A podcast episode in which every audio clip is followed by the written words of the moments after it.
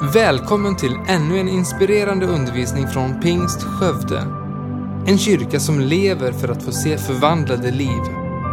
Vi hoppas att Guds ord ska tala in i ditt liv och hjälpa dig vidare i livet med Jesus. Vill du veta mer om vår kyrka eller komma i kontakt med oss så besök gärna vår hemsida. www.skövdepingst.se Underbart att vara här ikväll. Eh, se så många härliga ansikten. Mitt namn är Sven Bengtsson, eh, jobbar som pastor här i kyrkan. Och jag trivs extra bra när det är reclaim. Då känner jag mig som fisken i vattnet. Känner mig så hemma i den här miljön. Och jag har fått den stora äran att få dela Guds ord här ikväll. Jag ska läsa ifrån Bibeln. Jag har ett tema som eh, bara brinner i mig. I andra Korinthierbrevet, det tionde kapitlet, ska vi läsa Paulus ord.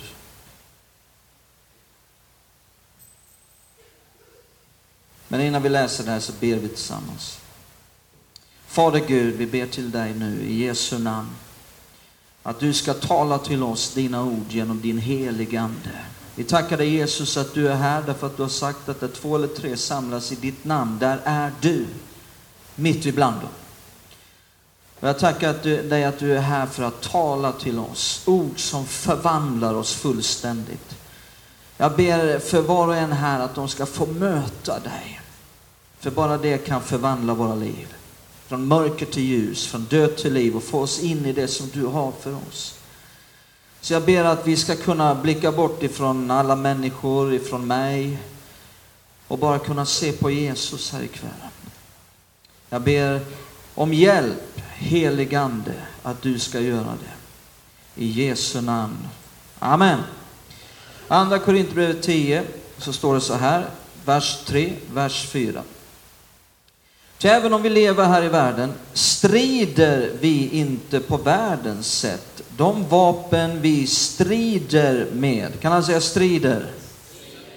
Är inte svaga utan har makt inför Gud att bryta ner fästen. Ja, vi bryter ner tankebyggnader.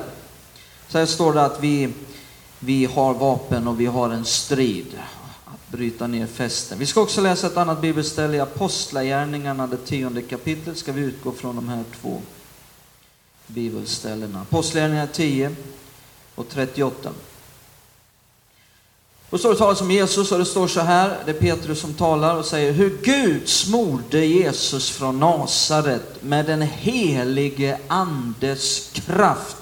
Han som gick omkring och gjorde gott och botade alla som var i djävulens våld. Ty Gud var med honom. Här står det i den här versen att eh, människor kan vara i djävulens våld. Eh, och, och, precis som ett helt land faktiskt kan hamna i en diktators våld. Och, och en armé från ett helt annat land kommer och frigör det här folket, eh, eh, dra in i det här landet och frigöra det här folket. Så drog Jesus in för att frigöra människor ifrån djävulens våld. Han drog in med en krigares attityd. Och det är det jag vill tala om här ikväll. Du är en krigare. Titta på någon och säg, du är en krigare.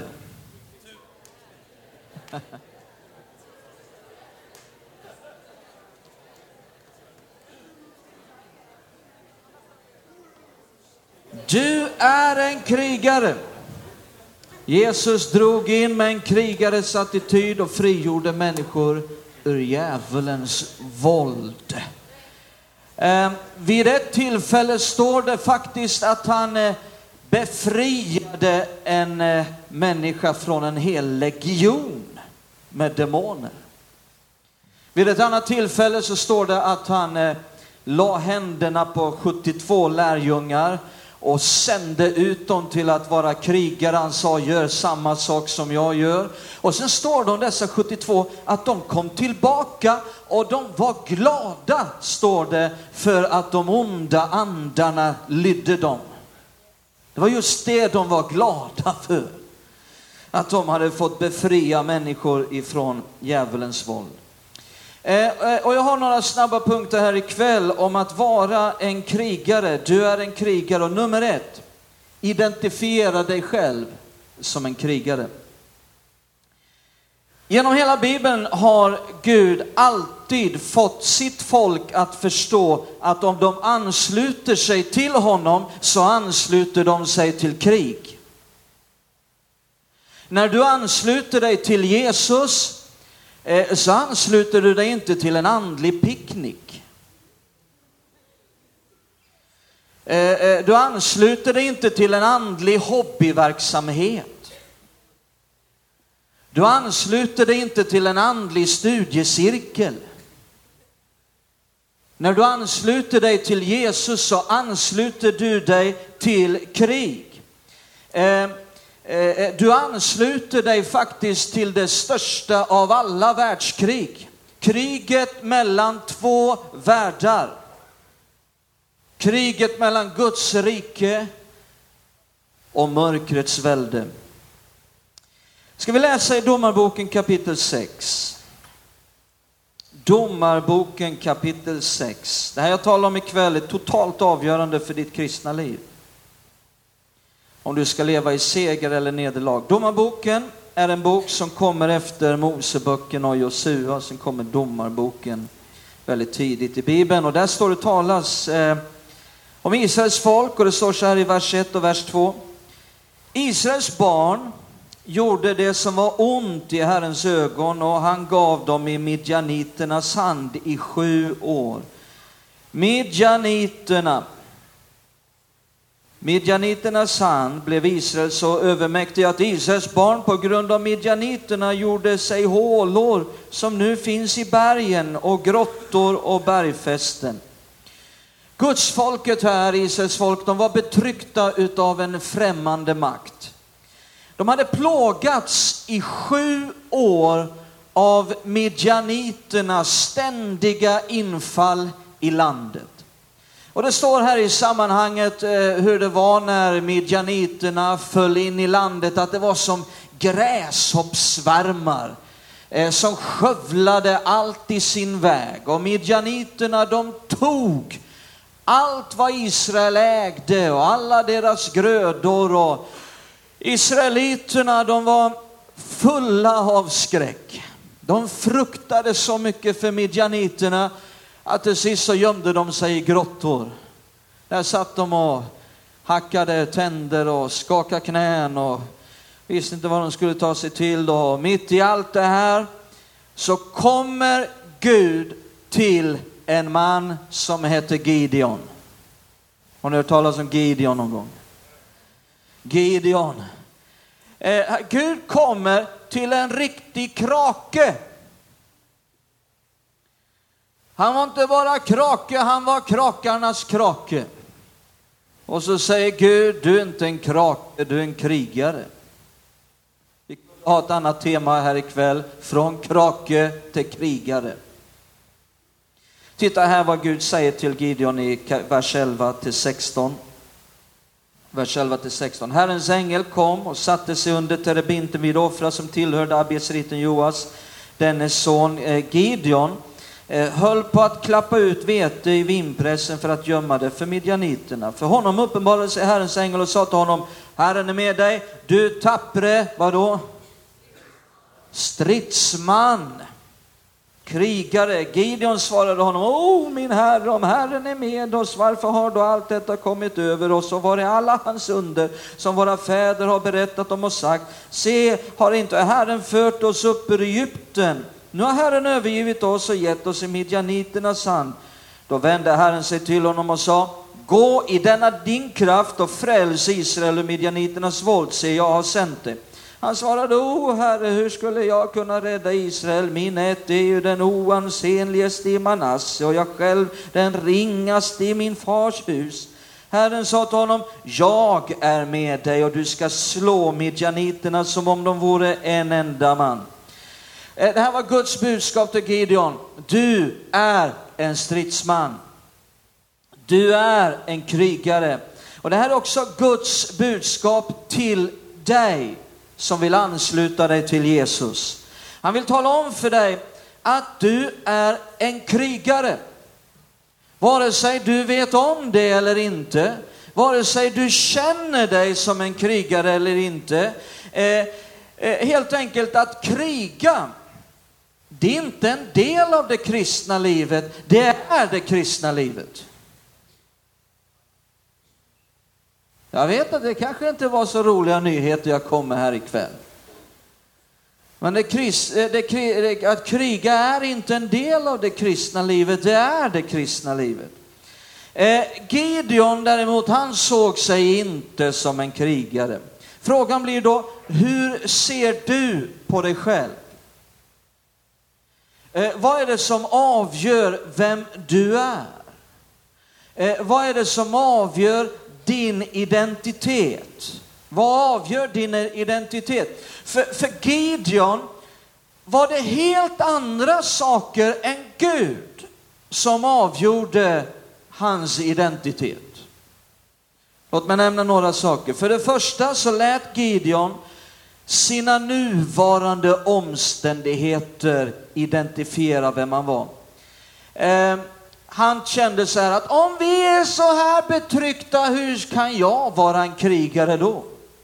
Hur kan du kalla mig för en krigare? För det andra lät han sina naturliga begränsningar definiera honom. Han kände, jag har inga talanger och jag har inga gåvor och hur skulle jag då kunna vara en krigare? För det tredje så lät han sin familjehistoria, historia, hans, hans familj definiera vem han var. Han sa, jag tillhör den ringaste släkten i Manasse och ibland den ringaste släkten är jag den ringaste. Den ringaste bland de ringa och den oansenligaste bland de oansenliga och den, krak, den krakarnas krake eh, var han. Hur kan jag då vara en krigare? Det fjärde som han kände avgjorde hans identitet, vad som definierade honom, var hans känslor omkring allt detta. Jag känner mig inte som en krigare, alltså är jag ingen krigare. Men Gud sa, Gideon, du är en krigare. Och det är detta som blir så viktigt för dig och mig. Vad avgör vem du är? Det måste få vara vad Gud säger om dig som avgör vem du är. Det är högsta auktoritet. Inte vilken familj jag kommer ifrån, inte de eh, omständigheter som är just nu, inte mina naturliga begränsningar om jag har talanger eller inte, eller hur jag känner mig. Det är vad Gud säger att jag är. Det är det jag är. Du är en tapper stridsman, sa Gud till Gideon. Eh, Gideon däremot, han, eh, han hade fram till den här dagen så hade han levt i ett överlevnadsläge. Ibland då frågar man människor, eh, hur mår du? Ja, jag överlever. Vet du vad, vet du vad Bibeln säger? att när du blir välsignad av Herren så kan du leva över och inte under. Det finns någonting som är bättre än att överleva och det är att leva över. Jag brukar säga ibland när folk frågar hur mår du? Jag lever över. Halleluja.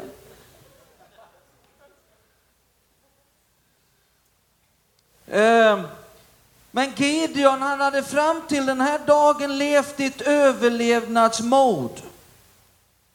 Har ni sett sådana här dokumentärer på Discovery, National Geographic och sådär, så brukar de skicka ut en krake långt ut i öknen. I åtta dagar. Får se om han överlever. Och så kutar han runt där. Och hur ska han överleva? Jo, han får dricka destillerad urin. Har ni sett sånt här program? Och, och, sen så får han knyta en påse runt en gren så att det ska bli någon slags kondens och lite fukt som man kan droppa in i munnen. Och sen efter åtta dagar så frågar de via någon slags hörsnäcka, hur mår du? Ja, jag är helt uttorkad. Jag, eh, jag eh, eh, är yr. Jag är totalt svimfärdig. Jag, jag, jag har svår huvudvärk. Ja, det är så en del kristna känner. De lever i ett överlevnadsläge. Men Gud vill inte att du ska leva i ett överlevnadsläge. Han vill att du ska leva i ett övervinnarläge. Där du inte får hanka dig fram på destillerad urin.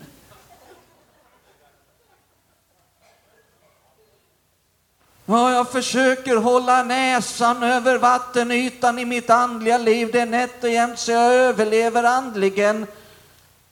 Men Gud vill befria dig från det där kristna livet. Halleluja!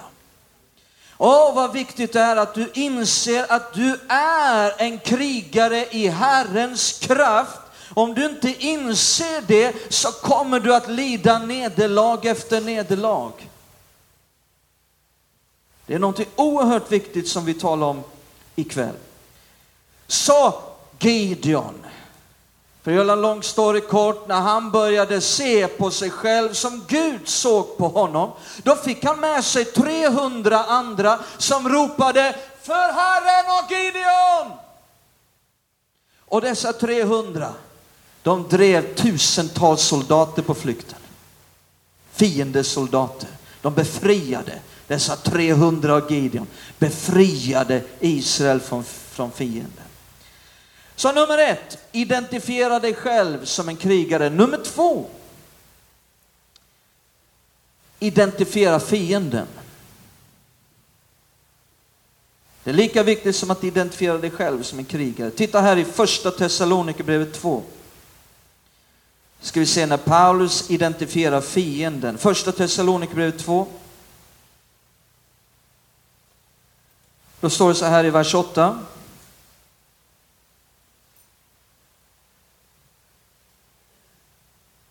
Första Thessalonikerbrevet 2 och vers, nej 18, förlåt mig, vers 18. Vi har verkligen önskat komma till er, jag, Paulus, både en och två gånger, men eh, Satan har hindrat oss. Snacka om att Paulus identifierade en fiende. Satan är ett ord på hebreiska. Det betyder motståndare. Eh, så Paulus har identifierat en fiende. Det är väldigt viktigt att vi kan identifiera fienden. Jag minns en gång jag stod på en scen mitt i centrala Indien en kväll. Och så hade vi bjudit fram människor, hinduer. Många av dem hade en sån här röd prick mitt i pannan. Klädda typiskt hinduisk klädsel. Och vi hade bjudit fram, bjudit fram de som eh, hade spökerier i sina hem, som eh, upplevde oförklarliga, obehagliga fenomen i sina hem utav spökerier, för att summera de här sakerna. Och som hade andra sådana här knepigheter i sina liv. 400 stycken kom fram, ställde sig framför scenen. Jag tror i princip alla var hinduer. Då är det viktigt att kunna identifiera fienden. Vad är det som orsakar detta? Och jag klev upp och så bad jag en bön. Jag sa Fader tack för makten i namnet Jesus. Tack att Jesus har vunnit seger över varje demon i helvetet. Genom sin död, genom sitt blod. Så bad jag till Gud och sen vände jag mig till den här gruppen och sa i Jesu Kristi Nazarens namn, Kom ut ur dem! Det blev ett obeskrivligt tumult när 400 personer fullständigt kollapsade i dammet och ringlade runt som ormar och skrek för full hals. Och vi fick bära ut de flesta i ett tält bakom scenen och be för dem och kasta ut demoner. Och de blev härligt befriade. Allihopa. Där fick de möta Jesus till frälsning, till förvandlade liv. Är ni med? Varför var jag där? För att jag är en krigare. För att Jesus vill sända ut dig och mig som krigare till att göra det han gjorde, sätta människor fria som är under djävulens våld. Men då måste vi kunna identifiera fienden. I måndags natt kom jag hem från Algeriet, jag var där i en vecka. Varför var jag där? För att jag är en krigare. Det är den enkla sanningen. Där det knappt finns en enda kristen människa. Det är ett av de mest onådda platserna på hela jorden. Jag var i en stad med en och en halv miljon människor. Högt räknat kanske det fanns 250 kristna. Evangeliet måste bryta fram på den här jorden. Och vi måste göra allt för att människor ska bli satta fria från ett evigt helvete, från djävulens grepp. Till att kunna leva i Guds glädje, i Guds frid, få det underbara livet från honom. Är ni med? Det är det som striden handlar om. Människors liv. Och det handlar om ditt liv. Eh, vi behöver identifiera fienden. Paulus gjorde det. Eh, Paulus sa också i Fesebrevet att det är inte mot människor vi kämpar, utan mot ondskans andemakter. USA, de eh, har insett och, och talar mycket om att eh, eh det, eh, det finns en fiende som är väldigt svår att bedriva krig emot. Och det är terrorister. Därför att man kan inte se var de är. Det är svårt att identifiera fienden. Och därför är det väldigt svårt att bedriva krig när man inte kan identifiera fienden, för de vet att fienden kan vara mitt ibland dem. Mitt ibland dem kan fienden vara utan att de vet om det, utan att de kan urskilja det, utan att de kan identifiera det. Och därför är det väldigt svårt att bedriva ett krig mot terrorister. Och därför blir det väldigt svårt för oss kristna om vi ska leva i seger, om vi inte kan identifiera vad som är fienden. Är du med? Ehm, det var en eh, profet i Bibeln, han hette Elisa. står talas om honom. En gång så kom det en hel armé efter honom. Har du någonsin haft en hel armé efter dig? De skickade en hel armé efter honom. Och han var cool som en filbunke. Han liksom strosade runt där, pillade sig i naveln. Men hans tjänare var totalt nervvrak.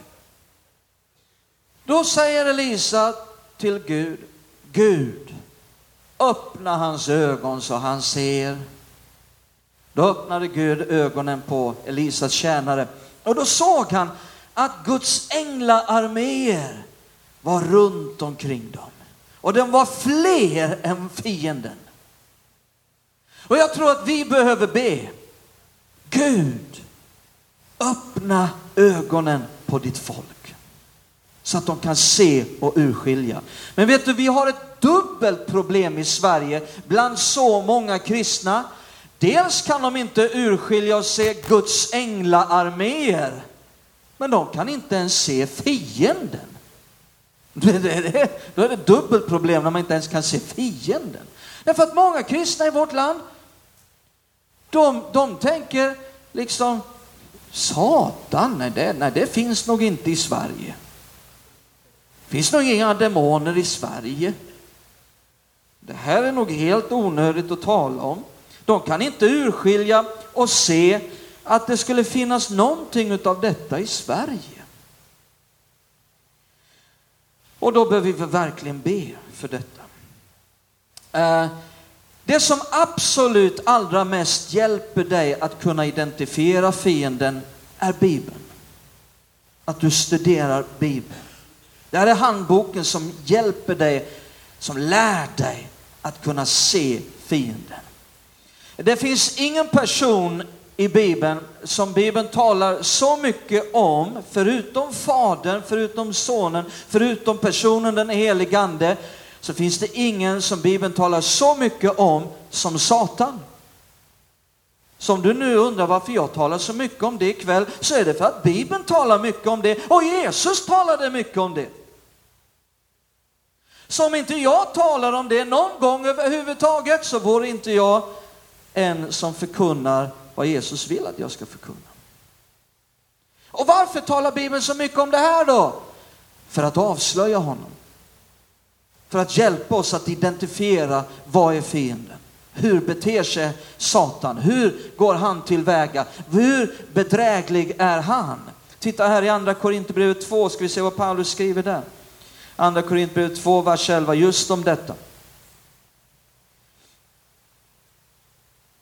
Andra Korinthierbrevet 2.11 står det, för att vi inte skall bli överlistade av Satan, hans avsikter känner vi till. Det är en väldigt intressant vers. För att vi inte skall bli överlistade av Satan, hans avsikter känner vi till. Allt som du inte känner till hans avsikter, så kommer du att bli överlistad. Men sättet att inte bli överlistad och vinna seger i en strid är att känna till hans avsikter. Är du med mig? Ett av de absolut starkaste vapnen vi har i denna strid är bönen. Det är bön. När vi vill se Guds församling byggas, när vi vill se Guds rike bryta fram, när vi vill se evangelisationsinsatser, när vi vill bedriva pionjärmission bland onådda folk, människor som aldrig har hört talas om Jesus, eh, så blir det så viktigt med den krigande bönen. Jag sa den krigande bönen.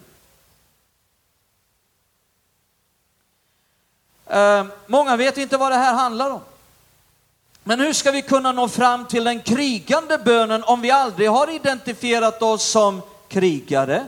Vi har heller inte identifierat att det finns en fiende och vi har inte definierat eller identifierat att det finns ett krig överhuvudtaget. Då blir det aldrig en krigande bön heller. Eh, Gud vill ge dig en krigarmentalitet och en krigsande. Visste du det? Där du strider i bön. För dina kompisar, för din familj, för ditt sammanhang, för att människors liv ska bli förvandlade, för att människor ska få möta Jesus. Där finns en strid i bönen. Och Bibeln talar mycket om de här bitarna, men jag ska inte göra det, jag vill bara nämna det kort. Nu vill jag ta några korta saker vad du inte ska vara. Vilken typ av krigare du inte ska vara. Var inte en krigare på reträtt.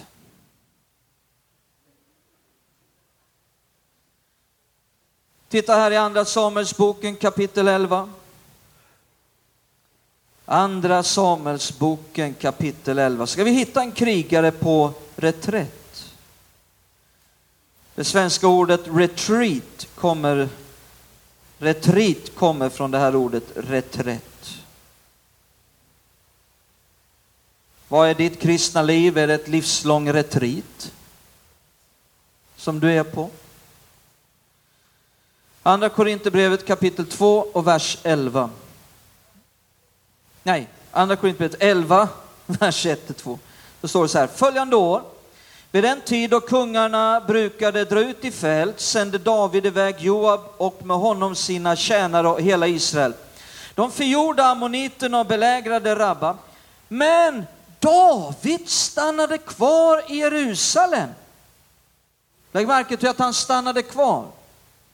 Då hände det sig en kväll när David hade stigit upp från sin bädd och gick omkring på taket till det kungliga palatset att han från taket fick se en kvinna som badade och kvinnan var mycket vacker. Kung David, han hade hållit på med krig i många år. Eh, och nu kände han att äh, jag behöver inte dra ut i krig längre. Jag kan stanna hemma. Jag kan ta det lugnt. Och det finns många kristna som känner så. För 20 år sedan då fattade de allting. Eh, de var med och stred på frontlinjerna i Guds rike under många år. Men sen så har de eh, bytt ut fronten mot soffan. De har bytt ut krigsfälten mot soffan. Man har tappat krigsanden. Man har blivit en reträtt kristen som lever ett reträttliv. Reträtt är en militärterm som helt enkelt betyder återtåg. Man är på återtåg. Detta är livsfarligt min vän. Varför då? Jo, Paulus till exempel, han beskriver i Efesebrevet Guds vapenrustning. Är det någon som har läst om Guds vapenrustning någon gång? Många utav er. I Efesierbrevet. Och där får man reda på att eh, vi har många vapen. Och dessa vapen, de skapar ett fullkomligt skydd, utom på ryggen. Så om jag nu vänder ryggen mot fienden i återtåg så kommer jag genast att bli genomborrad utav den ondes alla brinnande pilar. Det finns inget skydd på ryggen. Eh, David då, han stannar hemma. Innebar det att han eh, kunde undvika ett krig? Nej. Han fick istället ett helt annat krig. Ett krig som var värre. Ett krig där han led stora personliga nederlag. Eh, eh, när han gick där uppe på taket och fick se den här Batseba, ja till sist så begick han äktenskapsbrott med Batseba och sen så mördade han hennes man. Det var totalt kaos i hans liv. Och låt mig säga detta, ett kristet liv i jumflum och myspys är livsfarligt. Jag sa ett kristet liv i jumflum och myspys är livsfarligt. Och du kanske tänker här ikväll, ja, men Sven stör inte mig med massa prat om krig. Usch vad jobbig du är ikväll, komma här och störa mig med, med massa prat om krig. Vet du vad, om inte jag får störa dig ikväll så kommer djävulen att störa dig på ett annat sätt.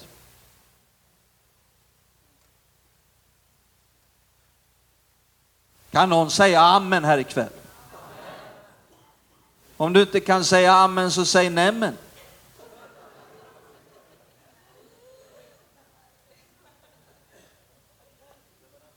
Det är så i alla fall.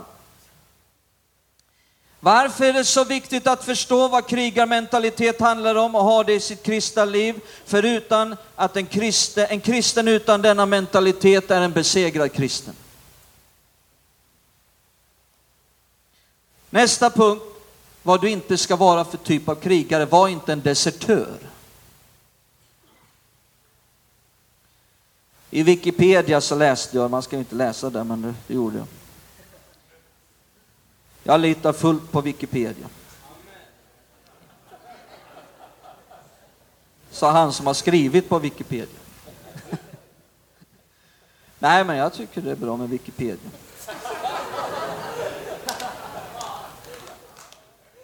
Alltså tänk när man inte hade Wikipedia, man begrep ju ingenting. Ställer någon en fråga till mig, jag är igång med mobilen direkt. Wikipedia. Wikipedia står det att en desertör, det är en person som rymmer från krigstjänstgöringen. Var inte någon som rymmer nu här ikväll? En svensk desertör bestraffas enligt brottsbalken, står det i Wikipedia. Det står så här också på Wikipedia att ett äldre ord är fanflykt. Eller kanske det var fanflykt. Alltså jag kunde inte låta bli, förlåt mig. Förlåt mig. Jag kunde inte låta bli alltså. Det, det bara var som ett upplagt smashläge. Du ska inte fly från djävulen med andra ord. Men sen begrep jag ju att det var ju fanflykt det betydde. Så det kan bli lite fel när jag ska citera Wikipedia. Titta nu här i Uppenbarelseboken kapitel 12. Uppenbarelseboken kapitel 12.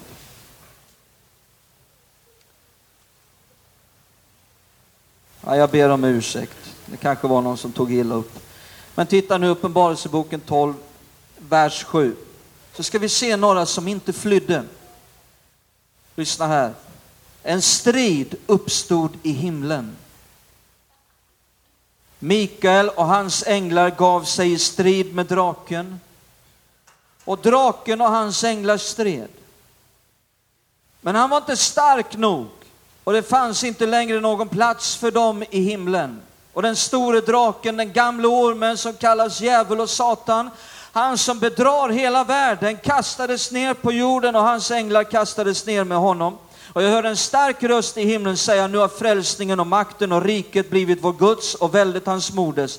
Till våra bröders åklagare har blivit nedkastad. Han som dag och natt anklagade dem inför vår Gud. Titta nu vers 11. De övervann honom genom Lammets blod och genom sitt vittnesbörds ord.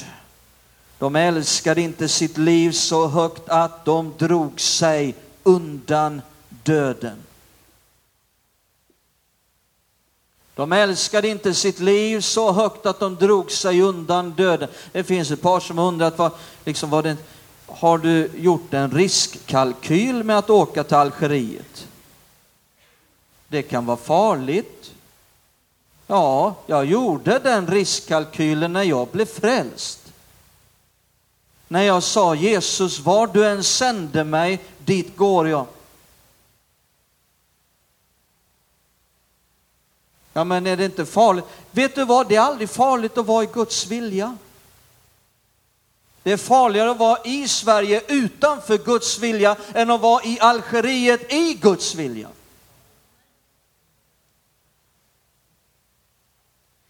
Eh, nästa punkt här då, var inte en krigsflykting.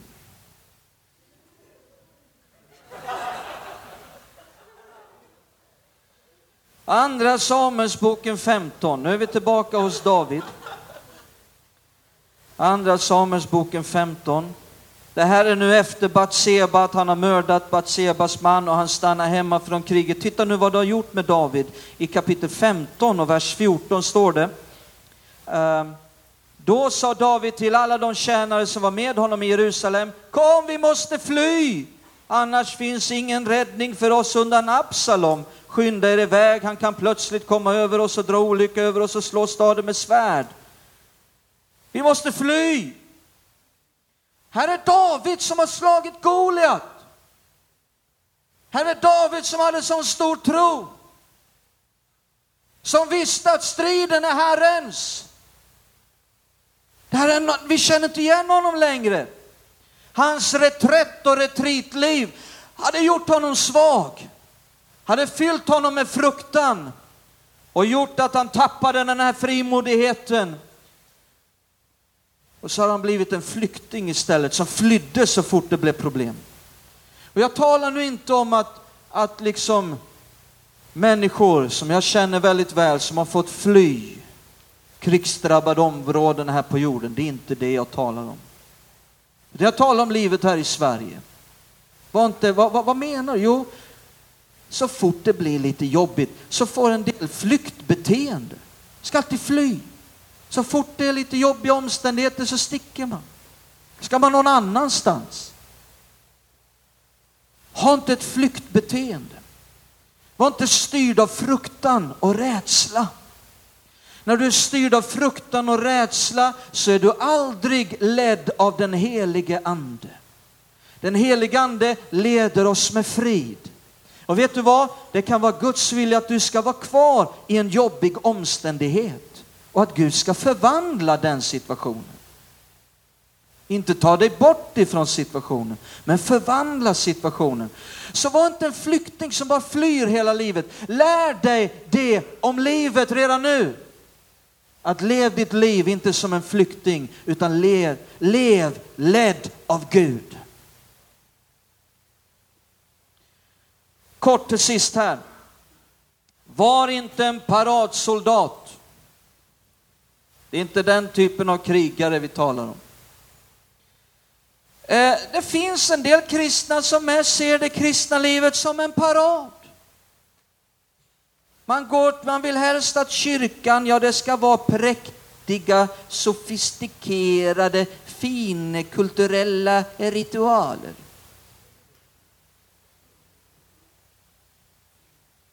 Man har inget intresse av att andra ska komma med.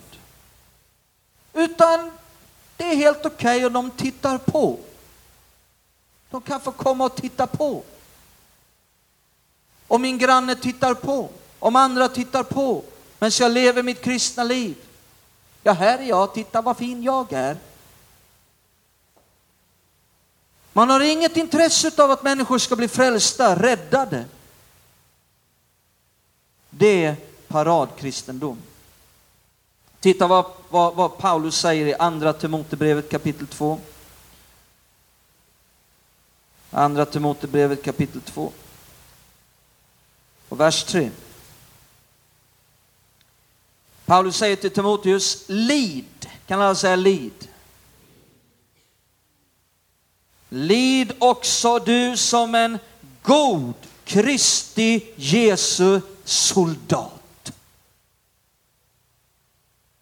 Det där är ingen paradkristendom som Paulus talade om. Ja, men säger någon, nu tillhör jag reservtrupperna. Bara för att göra en lång story kort, det finns inga reservtrupper. Nu tar vi sista punkten. Eh, var inte en krigskorrespondent. Oh. Alltså det finns få saker som bara stryker mig fel väg. Och det är alla de här krigskorrespondenterna. Det finns massor av kristna som eh, inte krigar själva.